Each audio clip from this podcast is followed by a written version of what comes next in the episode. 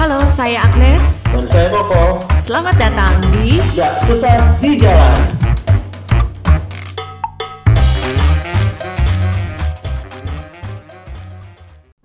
Halo semua, selamat datang di episode ketiga Gak Sesat di Jalan. Uh, kita tidak perlu memperkenalkan diri lagi karena sudah ada di depan. Ya. Enaknya podcast kalau misalnya beda gender gitu, kayak nggak usah ngebedain mana yang Agnes, mana yang Koko gitu. Iya. Tapi Karena karena nama kita juga nggak androgini ya. Oh maksudnya bisa bisa dua-duanya kayak Galih, Galih atau siapa iya gitu. gitu kan. Kalau kadang ada penganten yang namanya androgini gitu kita suka mikir ini Kiki, oke Kiki yang mana yang Kiki yang cowok apa yang cewek gitu kan. Iya bener-bener. Kap- Kalau berarti harus dua-duanya dong. Kalau misalnya cuma satu kan udah. Iya makanya waktu itu pokoknya gue pernah gitu sekali ngelihat kawinan yang cowok namanya siapa gitu. Pokoknya dua-duanya namanya androgini gitu. Kiki dan Reka misalnya kayak gitu atau apalah. Ini yang mana yang Nah cowok itu. ya?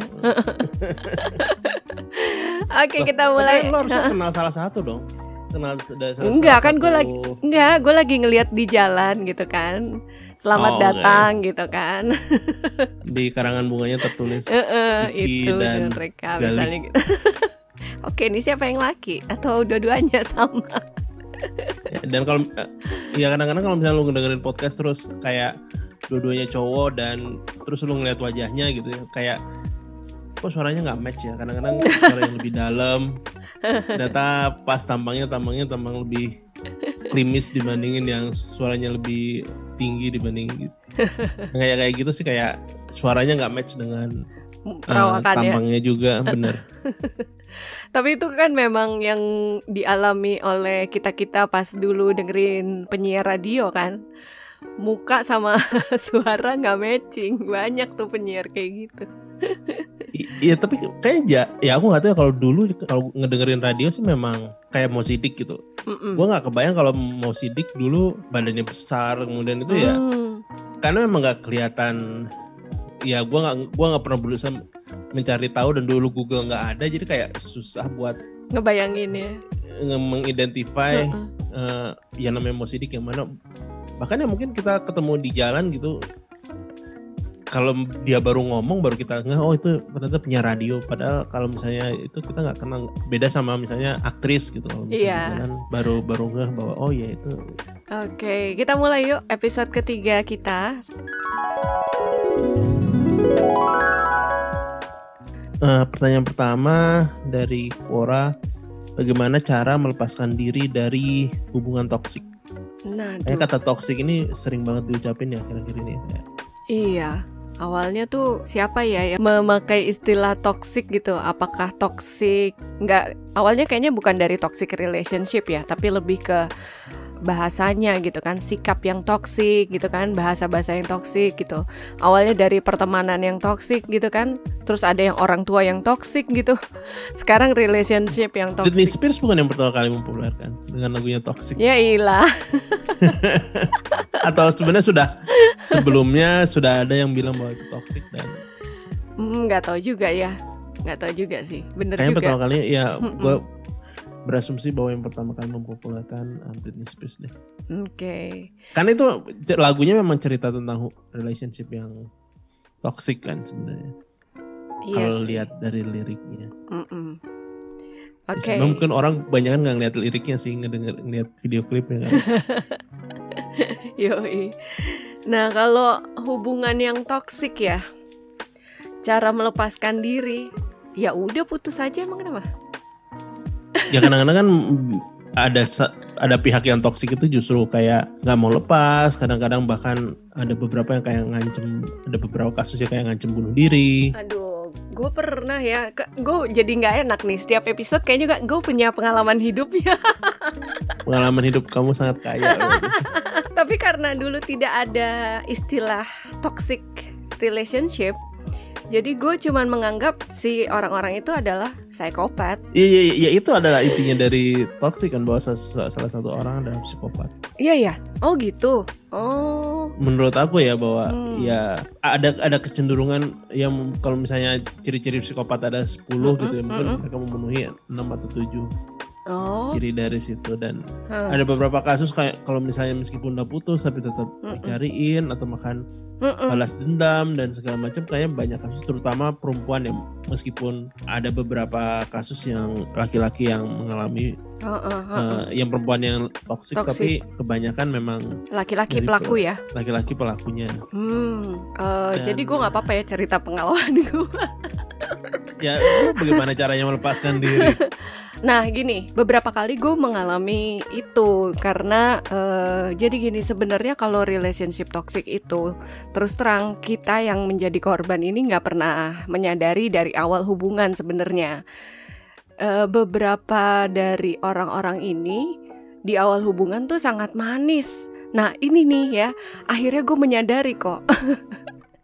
Orang-orang yang punya kecenderungan psycho itu memang kayak punya skill atau dia punya strategi untuk menarik pasangan itu dengan cara yang super manis, extraordinary lah. manis di sini sebenarnya manipulatif ya Enggak sih, awalnya nggak manipulatif, tapi pokoknya bikin kita tuh kayak no other guy gitu ever did that gitu kan. Jadi kayak impresif Yeah. banget gitu ya. Kayak Yes. dari awal tuh dia ngejarnya super mepet banget lah gitu. Kenceng lah ngedeketinnya. udah kayak mobil ya udah Mm-mm. Mepet. Terus habis itu dia yang eh, very very gentleman style banget gitu yang mau turun dibukain pintu. kita sebut aja inisialnya si A ini Iya. gentleman banget. Terus kalau datang ngedate itu dia udah bawa bunga, yang kayak gitu gitu kan super manis ya gitu. Jadi kan kita terlena ya kan sebagai perempuan yang terpesona kalau sekarang Heeh, ngomongnya. Iya langsung deh kayak pengen joget tentara kan. kita langsung terpesona terus kayak wah gila nih ini eh, spesial nih gitu. Ya dong, bener-bener kepincut.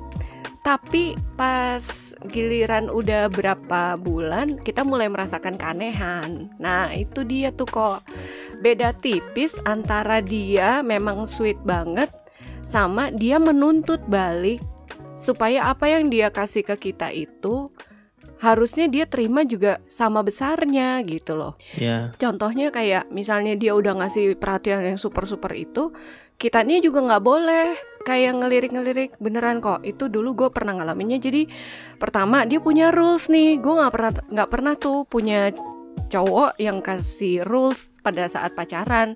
Jadi kayak satu lo nggak boleh ngelirik cowok lain. Kalau lo lagi jalan, lo nunduk itu udah kayak rukun rukun agama gitu ya. pakai begitu. kacamata kuda sekalian kalau kayak gitu caranya Iya beneran beneran Eh, Lo nggak Hmm. boleh ngelihat cowok lain Bahkan lo nggak boleh senyum ke temen-temen gue yang cowok Hah?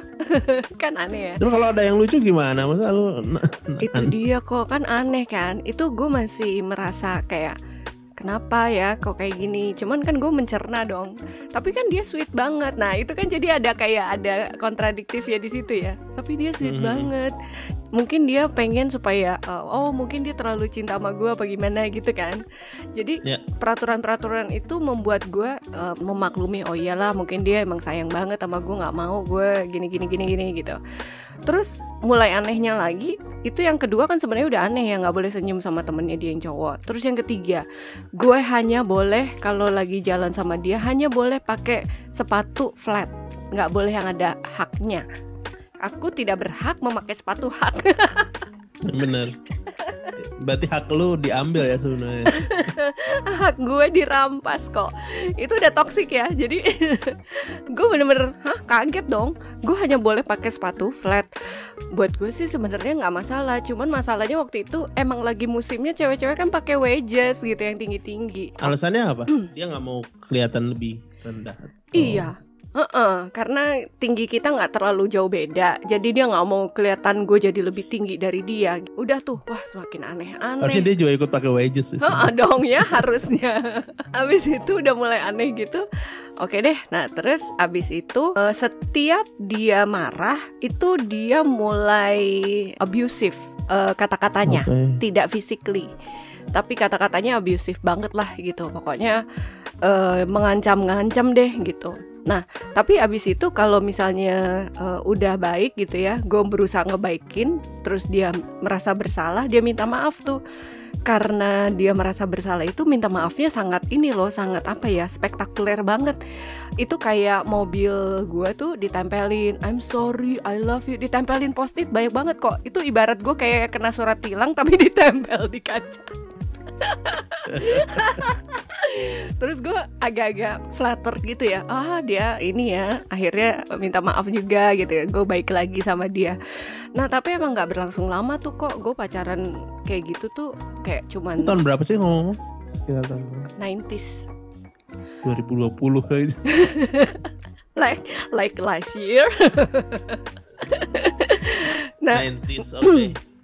Ya itu pokoknya gitu. Jadi pas dia udah mulai marah itu out of control banget gitu. Dia bisa yang marah-marah banget tapi tapi habis itu dia nyesel nyesel banget.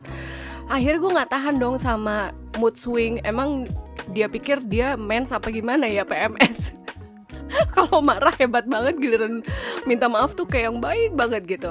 Nah sampai akhirnya gue udah nggak tahan dia ngelarang gue untuk gue pergi konser eh, nonton konser gue bilang gue mau nonton konser sama teman-teman gue gitu gue mau ngajak lo lo nggak mau jadi gue sama teman-teman gue aja nggak boleh dia bilang gitu Konser apa dulu? Bon Jovi Oh, jelas itu sih memang harus sih. harus Nggak- kan iya kan lah Iya benar. harus benar. dong ya udah terus dia melarang gue alasannya apa nggak dia nggak kasih spesifik lah Bon Jovi-nya ganteng udah jelas itu. Ya ampun dia sampai sampai cemburu sama Bon Jovi sih keterlaluan ya.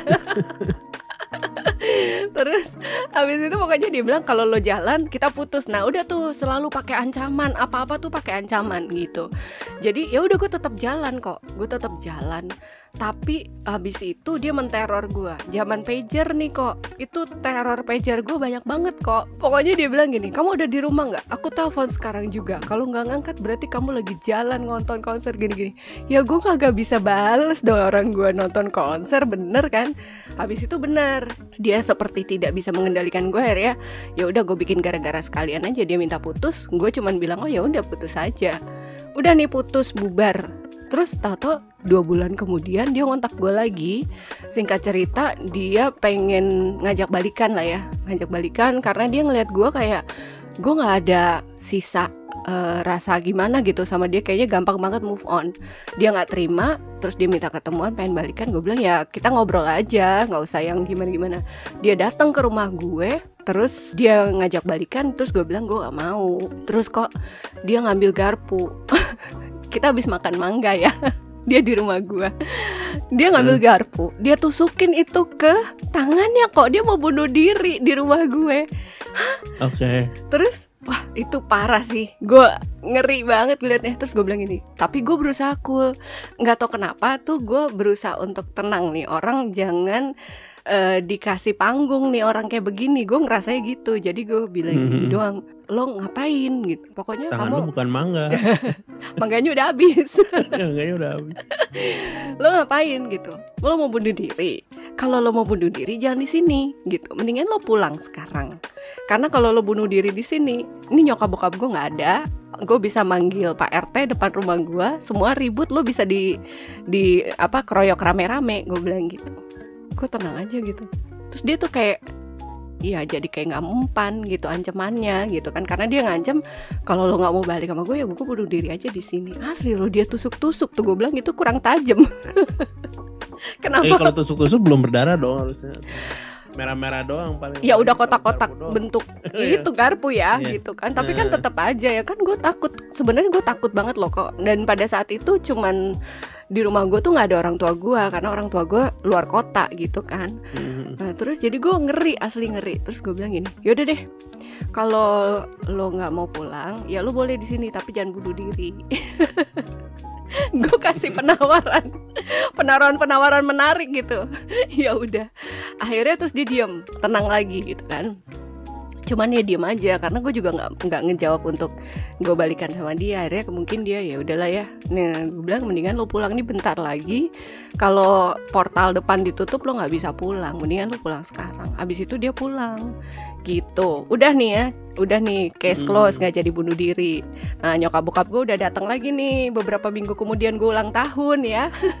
Hmm. ini kejadian-kejadian psikonya nih asli. kalau misalnya belum pernah di sinetron kan, gua rasa lo harus ada yang bikin ya. Paling enggak dibikin satu- web series lah ya sekarang musimnya kan.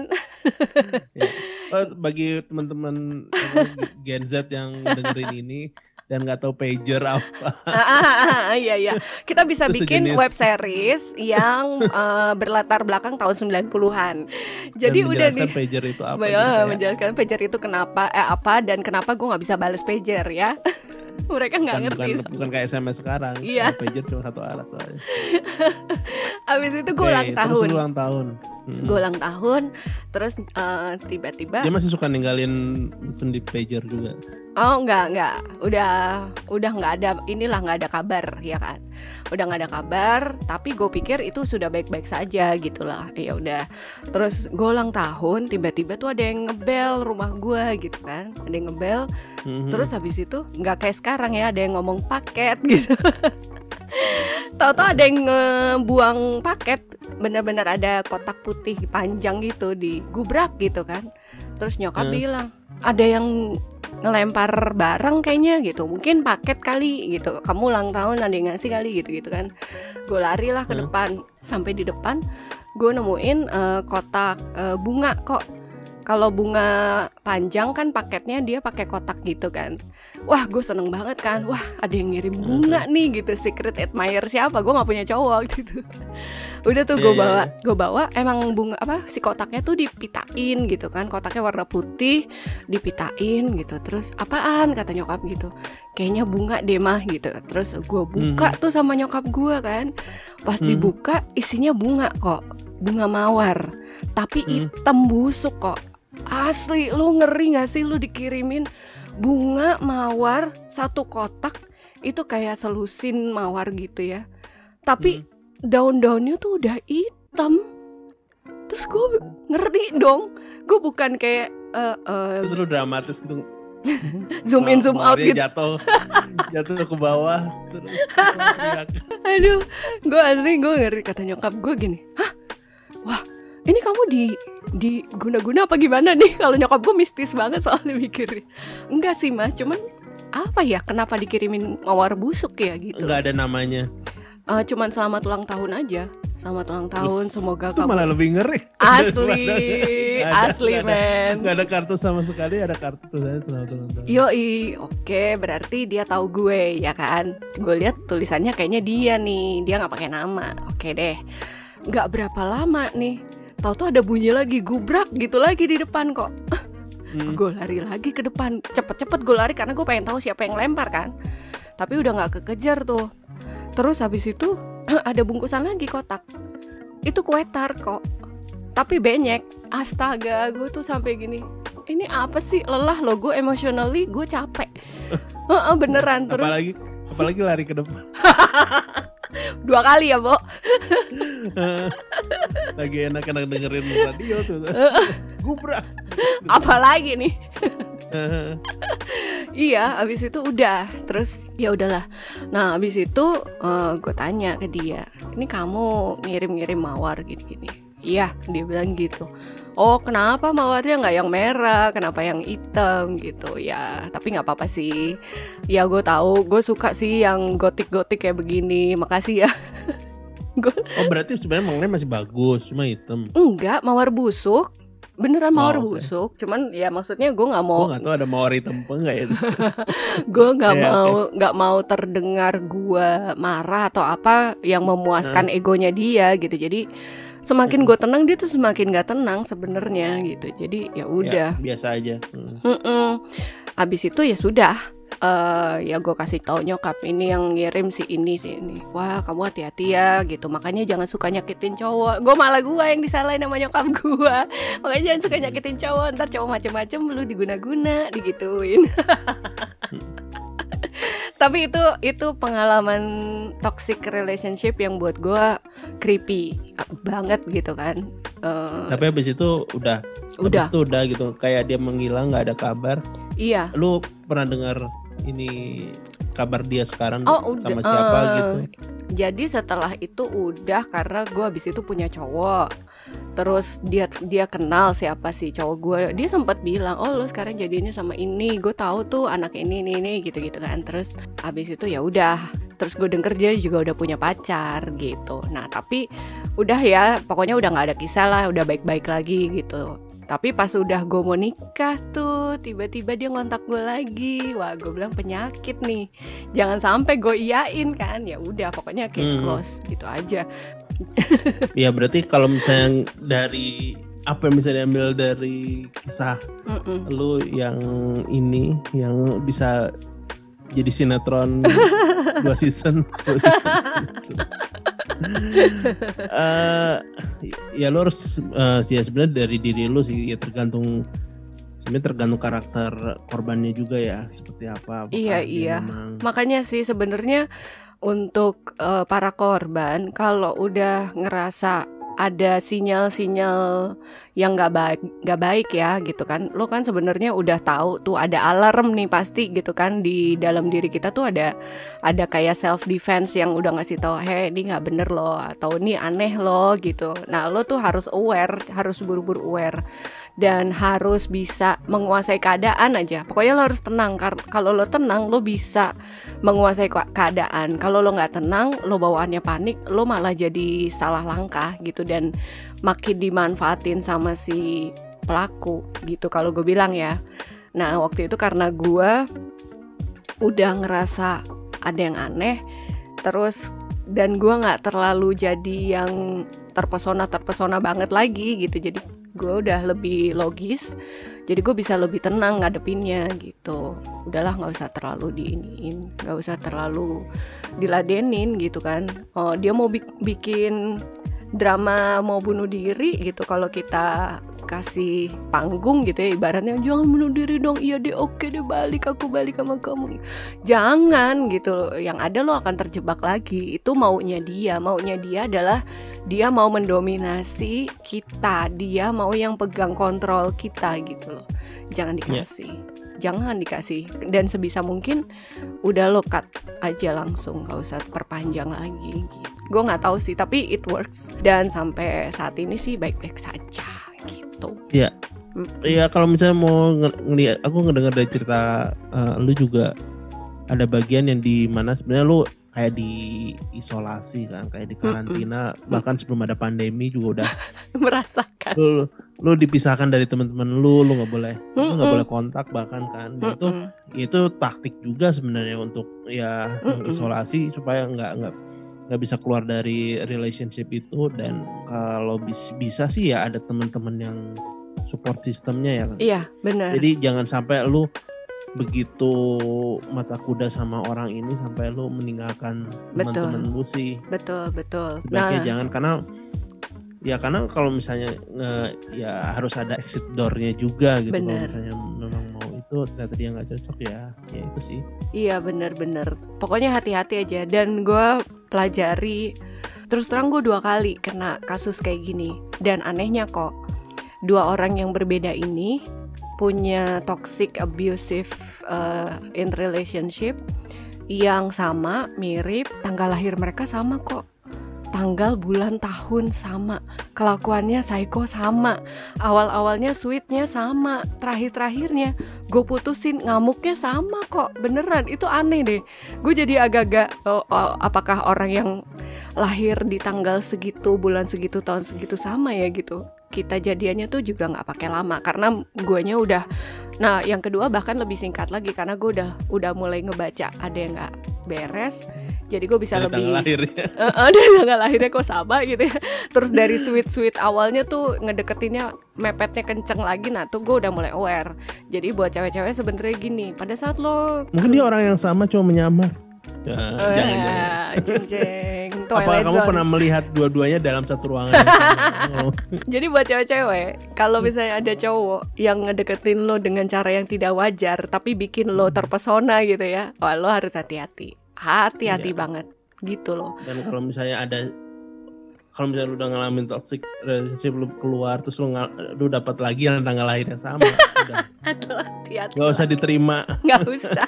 kemungkinan sama. Kemungkinan bakalan sama, bener. Tapi itu ya, jadi kesimpulannya, gue gue sih nggak punya rumusnya gimana-gimana, tapi lo tadi udah bisa menyimpulkan emang harus lebih aware dan gue setuju sama lo bilang kok harus ada support system. Pada Ya. saat itu gue cerita ke teman-teman gue gitu supaya mereka juga bisa jagain gue kalau pas gue lagi misalnya ketemu sama dia atau ketemu teman-temannya gitu ya gue bisa bilang gitu ke teman-teman gue eh, eh, ini gue lagi ketemuan nih gitu kan kalau gue kenapa-napa atau gimana ngeri juga kan kalau nggak ada yang tahu gitu Yes, dan ya kayak ada juga banyak hotline yang kayak yayasan atau lembaga yang iya ngebantu urusan ini diba- dibandingin zaman 90s dulu, zaman Bener. pager dulu. Sekarang udah udah lebih banyak dan ya aku nggak tahu ya kalau misalnya eh, dari sebelum-sebelumnya ya iya emang biasanya sih tergantung orang ya orang yang toksik itu ya bahwa kalau misalnya dia toksik ke satu orang ya ke orang lain juga kemungkinan toksik jadi Mm, kalau misalnya lu tahu sejarahnya dia seperti itu kemudian lu merasa ah dia nggak akan nggak akan gitu sama gua mm, kayaknya sih nggak juga sih pasti kalau misalnya orangnya itu nggak cari terapi nggak berusaha memperbaiki dia sendiri mm, mm. dia bakalan ngulangin hal yang sama ke ke lu Nah itu gue nggak tahu sejarah dia ya. Pertama nggak ada sosmed, nggak ada jejak digital ya, Bo. Itu penderitaan kita lah ya zaman tahun lap- 90-an. Semua baik-baik saja Semua terlihat baik-baik saja gitu kan. Dan gue nggak kenal circle pertemanannya dia juga gitu. Jadi susah. Justru pas gue udah mulai kejebak sama toksiknya dia, gue berusaha cari tahu tentang dia dari sahabatnya. Gue diem-diem di belakang dia akhirnya gitu. gue tanya-tanya sahabatnya ya anak ini baik banget kok nggak ada tendensi dia punya kelainan eh, apa temperamental lah apa segala macam. Enggak. Lo bahkan aduh kalau gue bilang gini perlakuan yang paling manis yang pernah dilakukan seorang cowok apa? Gue bisa bilang salah satu perlakuannya dia tuh gue bilang manis. Lo bayangin aja pernah nih pagi-pagi dia tiba-tiba datang naik sepeda dari rumahnya di daerah Jaksel dekat Pondok Indah ke rumah gue di Tebet dia naik sepeda kok. Cuman bawain sarapan. Itu kan manis banget ya sama bunga gitu kan. tukang bubur juga bisa bisa sih. Apalagi GoFood ya sekarang. Jauh-jauh juga dia mau. Ya tapi dia kan buat buat kita kan jadi kayak wah gila. Nggak pernah nih ada cowok yang effortnya kayak gini gitu. Sampai bawain sarapan naik sepeda gitu itu kan kontras banget deh pokoknya gitu. Dia tuh manis yang bisa manis banget tapi kejam juga bisa kejam banget gitu. Yang kayak abusive wordsnya dia di pager gitu emosional itu bikin gue capek sih. Itu gue bingung ya waktu itu petugas-petugas pager. Gimana kalau pasangan berantem mereka kan involved di dalamnya. Ya benar juga ya sebenarnya ya, bahwa iya kan kamu yakin mau ngirim kayak beginian ke pacar lu Iya kan, harusnya mereka menjadi konselor ya. Iya, bener. mas, mas bisa tenang dulu, mas. Mungkin kata-katanya bisa dirubah. Nggak usah, kirim dua kali, dua kali ya. mas mas mas masalahnya apa sih sebenarnya Ini bisa dibicarain baik-baik, mas. Aduh, anak sekarang nggak ada yang tahu ya gimana penderitaan orang dulu Hmm. pakai pager ya. Nggak bisa. Kalau kita dulu sabar nunggu gitu. Kalau anak sekarang kan baru nggak dirit berapa menit aja udah galau. Kita udah, kan udah udah udah nganggap di ghosting Iya, udah nganggap di ghosting gimana kita cuman bisa pageran ya itulah pokoknya jadi case close ya cara me- Iya. cara melepaskan Dengan- dari hubungan toksik Lah, lesson dan dari pengalamannya Agnes yang baru saja di- diceritakan. Dan ya kalau misalnya ada yang mirip-mirip dengan hubungan lu sekarang ya segera segera diakhiri. Segera itu demi demi dan- keamanan lo juga deh pokoknya beneran deh. Oke. Ya udah kita lanjut ke topik kedua. Setelah melepaskan diri dari hubungan toksik. Nah yang kedua ini nih ini juga jadi pertanyaan gue sampai sekarang nih kok Banyak Oke. yang bilang katanya kesuksesan itu ditentukan sama privilege seseorang dan ini bisa membunuh semangat beberapa orang. Kalau kamu punya sanggahan atau pendapat tentang bahasan di atas gimana nih kira-kira? Oke. Kesuksesan itu ditentukan oleh privilege seseorang, tergantung. Kalau gue bilang Ya sebenarnya kalau misalnya mau lebih luas lagi ya sebenarnya kayak apa sih yang disebut eh, menurut gua sih kita ngebahas dulu apa yang disebut kesuksesan sih, itu kalau dia kesuksesannya dalam hal apa dulu nih ya kan tingkat Benar. kesuksesan bagi setiap orang kan beda-beda Ya dan nggak? kayak yang wawancara Harry Meghan sama Oprah gitu kan mereka Mm-mm. ngebahas tentang mental health terus Mm-mm. eh, apa si Meghan kayak di penjara di Birmingham terus ada yang meme yang nambahin kayak mereka duduk di tumpukan duit banyak gitu kan. Heeh.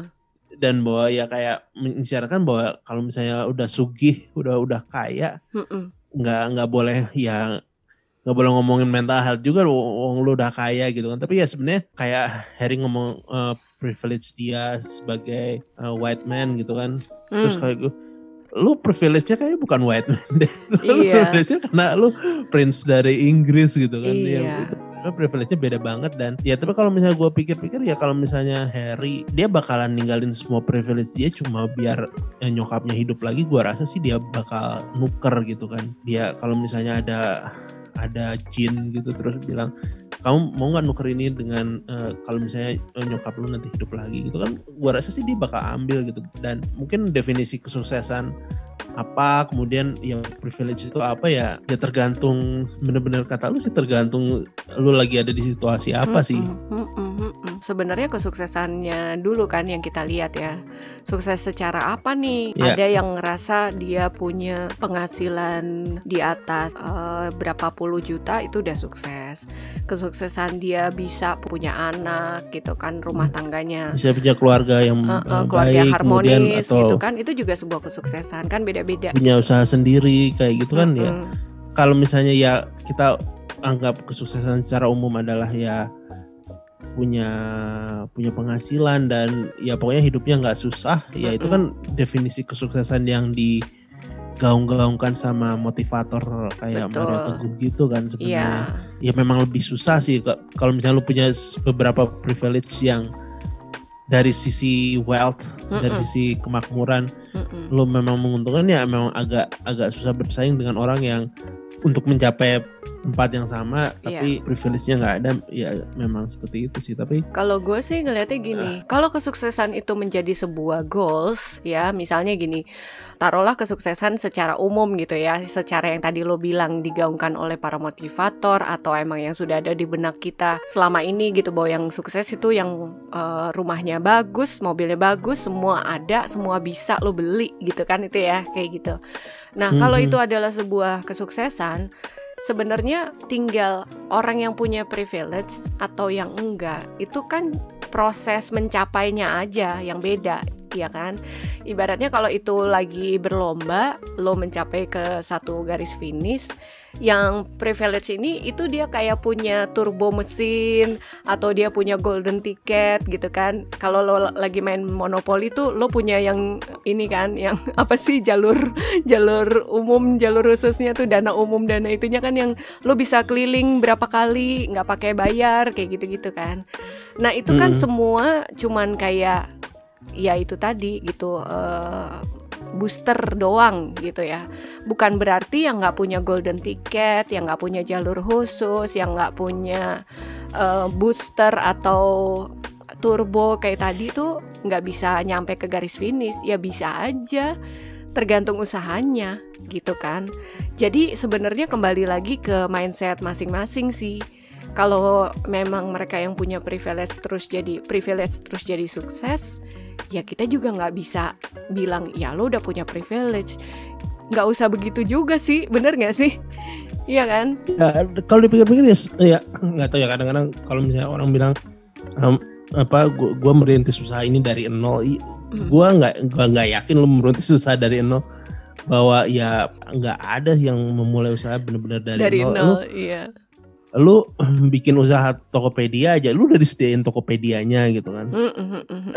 Atau lu apa namanya lu merintis usaha antar delivery apa gitu lu ya pasti lu udah disediain motornya jadi- dan segala macam dan kayaknya memang nggak nggak ada yang nggak nggak- boleh bilang bahwa saya merintis usaha dari ini dari nol Iya. yes pasti sudah ada yang disediakan buat lu gitu jadi Iya, iya, iya. Tapi kayaknya ini banget mungkin kayak gini ya, orang yang punya privilege dia bisa lebih sukses. Iya, bisa jadi kebanyakan seperti itu. Tapi bukan berarti juga orang yang nggak punya privilege itu nggak bisa nyampe ke titik yang sama atau bahkan lebih. Gue nggak setuju. Gitu. Kalau itu sih tergantung usahanya aja gitu kan.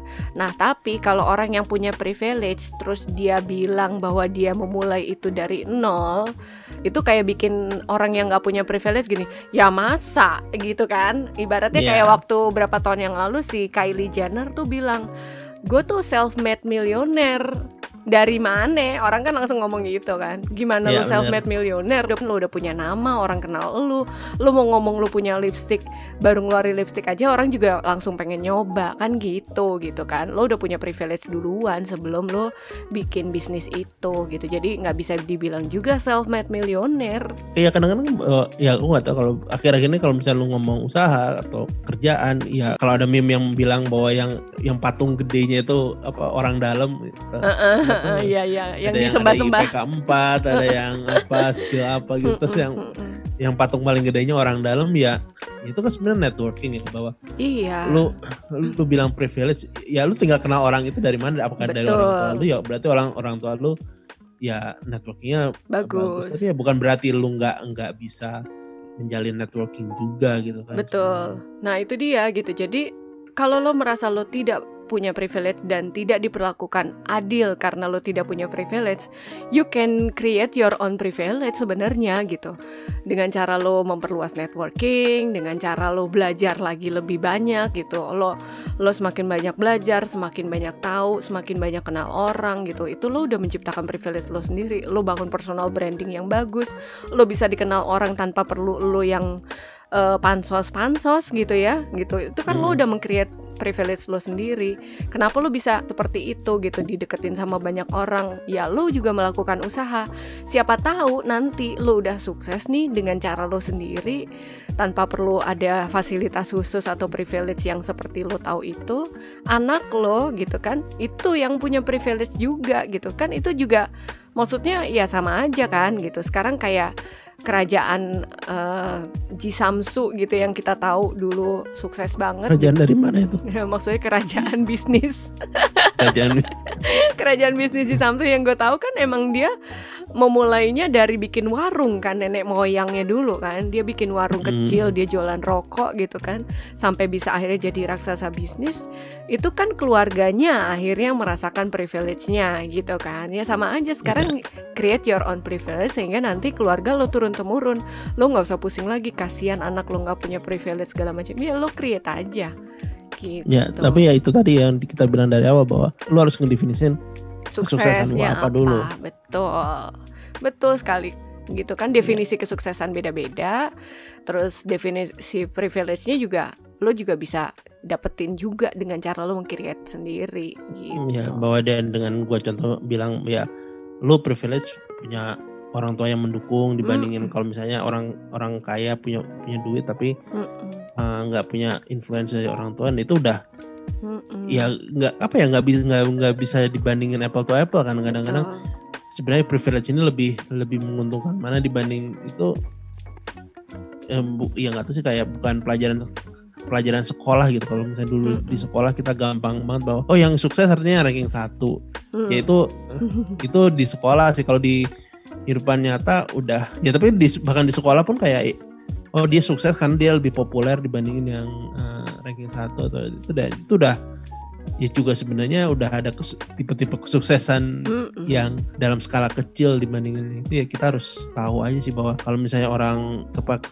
bisa trigger gara-gara bilang lu punya privilege ya di itu juga ya harus disadari bahwa apa ya ada orang punya privilege yang lebih besar ya lu juga jangan oh dia punya lebih Ya, besar dari eh, jangan tapi terus jadi nggak punya motivasi untuk lebih maju lagi.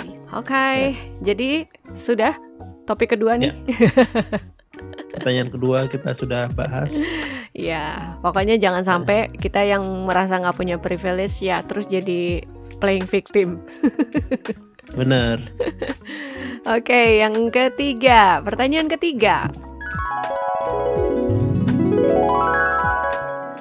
Yang pertanyaan ketiga uh, simpel sih, bagaimana ciri-ciri orang yang membosankan? Hmm, menurut lo kayak gimana kok? Tergantung circle-nya ya, kalau kata Hmm. gue ya bahwa kalau misalnya lu di circle gamer terus lu ngomongin uh, film gitu, sementara di gamer nggak ada yang tertarik sama film ya lu bisa jadi orang yang paling membosankan kalau misalnya ngomong Nggak soal nyambung. film. Ya menurut aku sih kalau misalnya ciri-ciri orang membosankan benar-benar tergantung. Aku nggak tahu ya bahwa apakah ada orang yang benar-benar nggak tertarik dengan suatu topik sampai dia kayak nggak bisa ngomong gitu. Oke, sebenarnya gini, kalau buat gua orang yang membosankan itu lebih ke kalau sama dia tuh kayak bawaannya nggak enak ya. Misalnya nih, kayak misalnya kalau dalam satu pertemanan gitu, nih orang tuh yang pokoknya nggak ada semangat deh gitu. Diajakin untuk ngumpul nggak mau, diajakin ngasih pendapat nggak mau gitu kan, diajakin beraktivitas apa terus dia kayak eh, negative thinking lah gitu kan. Terus banyak alasannya lah terus eh, ya kayak gitu-gitu deh. Pokoknya lebih ke negative behavior yang dia punya sehingga membuat pertemanannya tuh jadi ngerasa kenapa sih dia? gitu ya. Kayak nggak ada semangatnya nggak ada gairah hidupnya gitu. Terus kayak ditanya apa-apa juga ya terserah lo aja gue ngikut aja kayak gitu-gitu jadi buat apa lo hidup ya gitu Iya. Dan ya tapi bahkan bagi orang itu pun kalau misalnya tiba-tiba ada topik yang menurut dia cocok, Mm-mm. ya menurut aku sih ya dia bisa jadi tiba-tiba keluar dan ya antusias terhadap sesuatu ya itu mungkin aja sih. Tapi ya memang ya kadang-kadang orang ah, lu, lu lu boring banget sih bla, bla, bla, bla." Hmm. kalau misalnya ya kadang-kadang kalau kita nggak nyambung gitu kan kita dibilang boring atau misalnya Hmm. nggak Nah, kalau cuman sekedar itu sebenarnya dia masih bisa mencari circle lain kan gitu. ya Maksudnya benar. tapi belum tentu boring gitu. Maksudnya kayak kayak lo tadi bilang dia anak gamers dia nggak ngerti dia simply cuma bilang ya kalau gue sih nggak ngerti gitu-gituan gitu. Nggak nyambung lah gue gitu. Tapi kalau dia masih punya semangat gitu ya masih pengen main sama mereka-mereka sih bisa bisa juga nggak ngebosenin gitu. Atau dia bisa membawa satu pengetahuan baru ke anak-anak gamers ini gitu. Eh sekali-sekali ikut gue yuk jalan ini ini gitu misalnya. Itu masih bisa excited gitu mereka. Tapi kalau emang orangnya tuh udah nggak ada semangat tuh kayaknya emang itu tuh yang bikin bosen kali ya kalau Ya. gue gitu ngeliatnya. Sebenarnya nggak ada ciri ya paling ciri-ciri yang menurutnya ya semangat semangat hidup itu kali ya bahwa Mm-mm. excitement kalau misalnya lo ya excite excitement ya kayak gua nggak nggak ada nggak ada topik yang sama sekali menarik minat gua. Nah itu menurut gua lu bisa jadi orang yang paling membosankan sih. Iya tapi atau ngomong-ngomong kalau nggak salah gue pernah baca di artikel itu ada kayak ada pemilihan orang yang paling membosankan di oh ya di satu tempat gitu dan ada ada yang kayak dan kandidatnya. ada pemenangnya oh iya. Gue lupa. Dengan ya, jadi ada yang kategori apa tuh? ya di ya itu dia menangkan dia dia disebut kategori orang yang paling membosankan di kayak gimana dunia, ya kriterianya ya? Ya. Ya mungkin dia kayak pekerjaannya biasa-biasa aja atau apa gitu dan oh hidupnya terlalu ini monoton. hidupnya lurus-lurus aja gitu dan Mm-mm.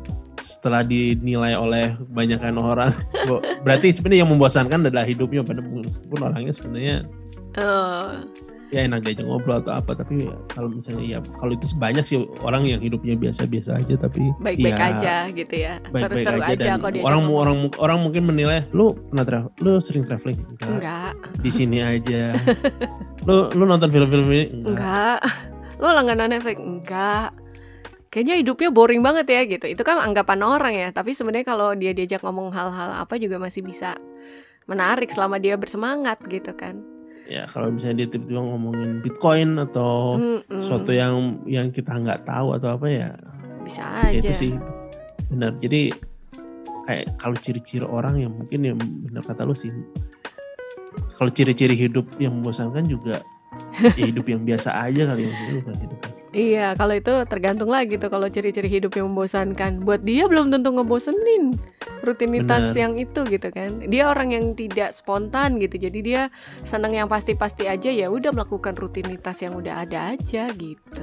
dia ngelihat kalau misalnya orang traveling ya kayak oh iya gunung mah di mana-mana sama Mm-mm. ya ya Lihat udah aja, itu pendapat pendapat Iya. dia kan bisa nonton di YouTube aja ada tuh gitu Heeh. ngeliat ngeliat laut yang laut juga sama nggak ada bedanya oh, beda segala macam. Enggak kok. Ya udah. Ya udah nggak Ya apa-apa kan? Itu kan pre- Nggak eh, apa-apa. apa preferensinya dia gitu. Bener jadi oke. Ya lanjut lagi ya. Terakhir nih berarti. Sekarang pertanyaan keempat. Jika mengatakan bukannya mau sombong justru malah membuat orang jadi kelihatan sombong. Terus apa yang dilakukan biar nggak kelihatan sombong jadi kalau ngomong bukannya mau sombong nih ya gitu. Lu sombong banget lu malah gitu ya. Pasti udah udah mau sombong sih. Itu udah kayak start gitu ya lagi mau start Heeh. gue mau breaking dulu ya bo gitu. Eh, humble break gua gua gua gua gua nggak mau nyinggung perasaan lu tapi ya itu udah, udah. yo gua bakal nyinggung perasaan gua gue yakin. Ini bukannya gue mau buka aib orang ya tapi kalau udah ada Iya. tapinya itu udah meleburkan pernyataan lo di depannya ya kan lu Benar. sebenarnya tuh cantik tapi nah itu lebur tuh udah nggak jadi lu cantik bener nggak gua rasa sih ya bener sih tapi gua rasa memang nggak ada cara untuk menyebut achievement lu tanpa kelihatan sombong ya kecuali lu kayak ada hype man yang lain gitu ya Nggak temen kalau misalnya yang- nggak kalau misalnya gini.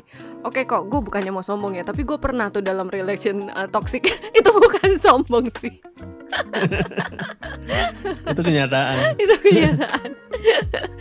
ya gimana ya, bukannya mau sombong, ya nggak usah ngomong bukannya mau sombong sih, biar nggak kelihatan sombong. Ya kalau lo mau ny- menyombongkan diri ya udah menyombongkan diri aja, mau kelihatan sombong apa enggak mah itu tergantung penerimaan halayak ramai lah ya. Eh, ya itu dia sebenarnya kan sombong konotasinya negatif kan Iya. istilah pamer eh, Mm-mm. pamer achievement dan menurut aku sih nggak nggak banyak orang yang seperti itu ya kecuali gua nggak tahu ya kalau misalnya selebgram selebgram itu yang Mm-mm, mm-mm. mau ke Korfu atau ke Yunani mana terus foto-foto apakah itu mereka sombong karena mereka sudah ke sana Hmm. ya mungkin aja sih sebenarnya. Tapi kalau misalnya kita ngomong achievement bukannya mau sombong tapi kerja keras saya udah membuka usaha ini gitu kan udah sebenarnya yang tadi lu bilang tadi apa saya merintis ini dari nol. Mm-mm, mm-mm. Ya, tapi sebenarnya jadi ada hashtag humble ada- break kan? Ya mana ada yang bilang daripada lu merendahkan diri tapi ternyata nyombong mendingan lu sekalian sombong sekalian gitu kan. sombong bener. Masalah diterimanya kayak gimana mah bebas. Sama aja nih kayak sekarang ya kan yang lagi viral si Siska Cole. Lo tau nggak? Ya kan? Iya ya tahu. si Siska Cole kan nggak pernah bilang bukannya mau sombong nih tapi tangga gua tuh muter emang begini nih. Tangga sultan. Dia aja bilang tuh dia tangganya tangga sultan gitu. Bukannya mau sombong tabungan gua dari kecil itu pas keluar satu setengah m dia nggak bilang gitu. Langsung aja dia liatin tabungannya dia waktu kecil yuk kita hitung satu setengah m kan nggak perlu sombong tapi orang juga ngeliatnya gini wah banyak duitnya ya gitu. Tapi nggak pernah kesel. Gue gue pribadi gue nggak pernah kesel sama si skakol. Walaupun isinya tuh menyombongkan ininya gitu kan menyombongkan kekayaannya. Dia bisa beli makanan seharga 10 juta nggak pakai mikir gitu kan. Dia nggak sombong tuh. Dia nggak bilang bukannya mau sombong. Nah, tapi itu kan sebenarnya itu eh, persepsi lu kan bahwa kalau misalnya lu ngeliat itu lu ngerasa dia nggak Makanya. sombong tapi makanya gue bilang lu sombong sombong aja persepsi lu dibilang sombong apa enggak kan tergantung orang yang denger ya kan? Buat gue sih gue tidak merasa dia sombong lucu dia. Mari kita coba gitu. Jadi mak- makanya gue setuju sama kata lu gitu. Nggak usah pakai ngomong bukannya mau sombong gitu. Ya lu sombong sombong aja nggak apa-apa. Gitu atau Iya, bilang kalau kalau di kalau di ini sekarang bilangnya gini ya alhamdulillah ya kerja keras gue sih. Sekarang gue udah bisa punya rumah gitu. Tuh tuh nggak kelihatan sombong tuh. Jadi ada kayak spiritualnya deh dibawa-bawa kok ya kan? Kalau ya kan? Kalau agama Nasrani kan mungkin bilang ya puji Tuhan gitu. Akhirnya kami bisa sama-sama nih pindah ke rumah baru punya mobil baru. Alhamdulillah bisa eh, berangkatin orang tua ibadah. Kan kayak gitu-gitu kan itu kan sombong juga Iya kan kalau kayak kalau kayak gitu lebih nggak sombong karena lu nggak nyebut kerja keras, Keras lu sebenarnya bahwa iya Sem- semuanya itu adalah pemberian dari yang ada di atas gitu kan. Iya, iya bikinnya gitu aja berarti. Bener Ya gak? kalau kayak gitu memang a- aku setuju sih bahwa itu memang Iya. lu bisa nyebutin achievement lu dan Mm-mm. lu nggak sombong bahwa ya enggak kok ini semuanya eh, keberuntungan bahwa gue Iya. bisa seperti ini Iya, I'm blessed gitu kan.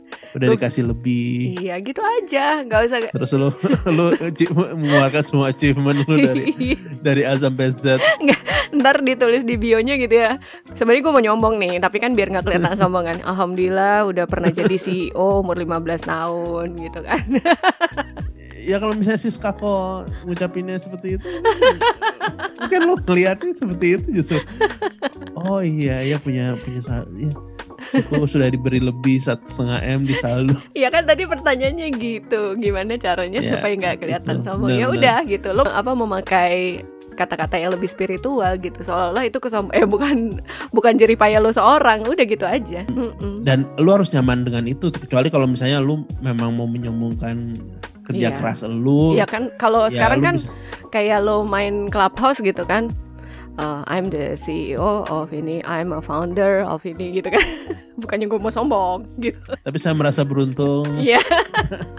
saya berhasil menjadi CEO. Tapi Gitu. ya itu tipe orang beda-beda. Kalau lu sendiri gimana? Kalau gua sih emang nggak terlalu nyaman dengan bilang bahwa ini adalah kerja keras gua ya. Kalau gua pribadi ya, tapi gua nggak tahu kalau Hmm. seperti apa. Tapi eh, ya orang kan beda-beda. Ada ya orang yang bilang meskipun ada privilege dari orang tua, tapi lu, lu bilang kalau nggak salah ada eh, diskusi yang bilang ya lu enak lu kalau misalnya lu nggak punya orang tua kaya kan lu bisa bilang eh, hasil kerja keras lu dan orang orang Percaya. kagum gitu. Kalau Oh, misalnya mm. gua gua udah kerja keras tapi orang ngeliat ya, ya dia dia dikasih modal sama orang tuanya padahal gue juga kerja keras nggak sedikit sedikit juga nah Mm-mm, mm-mm.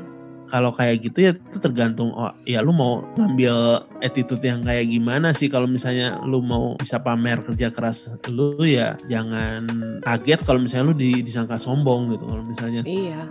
Ya udah, lu makanya udah- kembali lagi aja gitu. Kalau emang pada dasarnya apa pun yang lo katakan dianggapnya sombong, ya itu mah terserah netizen gitu kan. kalau misalnya mau ya itu bayar orang buat ngomong sih Pertama Bayar kali orang. saya kenal sama Agnes, dia dulu nggak punya apa-apa. Saya tidak Tapi menyangka. kemudian dengan kerja kerasnya gitu, dia, lu cuma Testimoni. doang, tes, eh, testimoni. Bilang, ya saya nggak pernah ngomong gitu sih, tapi memang benar. Saya sih saya nggak nggak berusaha untuk membantah sih ya. Gitu. Tapi memang itulah kenyataan.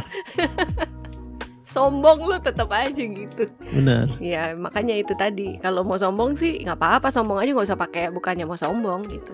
Tergantung apa yang mau achieve sih, dan Mm-mm. ya tergantung kepribadian lu juga kayak kayak gua gua nggak merasa su- apa gua lebih merasa beruntung dibanding eh, kerja keras gua itu juga ada orang-orang seperti itu Iya. gue pernah baca ada tes kayak sosial eksperimen gitu bilang dari 10 orang gitu terus disuruh bener-bener bragging bener-bener nunjukin Hmm. bener-bener mem- memamerkan achievement dia seperti apa Oh. orang justru banyak yang nggak nyaman sih sebenarnya Iyalah pasti. dengan dengan dengan seperti itu ya kecuali ya orang-orang yang memang mau pamer juga sih Mm-mm. jadi ya sebenarnya nggak nggak nggak perlu bilang bukannya mau sombong tapi ya yang langsung aja kalau memang kalau memang lu memang mau nyombong ya Iya, nggak apa-apa kok. seperti apa Iya, nggak apa-apa juga kok. Eh, kalau memang achievement lo itu merupakan kerja keras lo yang ibaratnya udah luar biasa ya, nggak apa-apa juga lah lo nyombong gitu Ya, kan. atau lu si skakol juga Oh, juga sih bagi kita berdua buat kita berdua sih kita seneng-seneng aja gitu. Oke, berarti udah ya. Ini udah empat pertanyaan, udah sejam juga kita ngobrol, lumayan seru nih. Ya pertanyaan-pertanyaan kayak gini nih, kalau ada yang mau tanya ke kita, buat kita bahas tanpa mengharapkan jawaban yang bener gitu ya. ya tapi bisa didiskusikan terus kalau misalnya lu dengar diskusi kita terus dapat pencerahan yang lain Iya. kita kita nggak ngaku expert sih sebenarnya Enggak, enggak. Enggak sama sekali. Tuh, bukannya mau sombong ya. bukan bermaksud sombong ya. kita bukan expert loh. Apa yang mau disombongin? Oke, berarti yang sudah dengerin. Silahkan kalau ada yang mau didiskusiin ya kasih pertanyaan boleh. Ke mana kok? Tanya at nggak sesat.com Oke. Dan bisa. atau bisa mention kita Mm-mm. di Twitter ko 2W, Instagram gua aku kowe. eh, at Agnes Marlita di Twitter dan juga Instagram. Ya, kita di sosial media kita mengandalkan personal branding kita Masing-masing. masing-masing untuk podcast ini. Kalau misalnya mau subscribe, Follow. search saja nggak sesat di jalan, Siap. subscribe, Silahkan. Nah, kasih Mm-mm. kasih opini, kasih feedback buat kita. Betul. Apa yang pengen lu tanyakan, apa yang lu pengen lu denger, apakah kalau misalnya mau ada bintang tamu kita datangkan si Skakol. Wah susah tuh. Aduh, ya sudah berarti thank you banget yang sudah dengerin ketemu lagi minggu depan. Jangan malu bertanya. Biar nggak sesat di jalan. Sampai ketemu lagi. Dadah. Bye bye.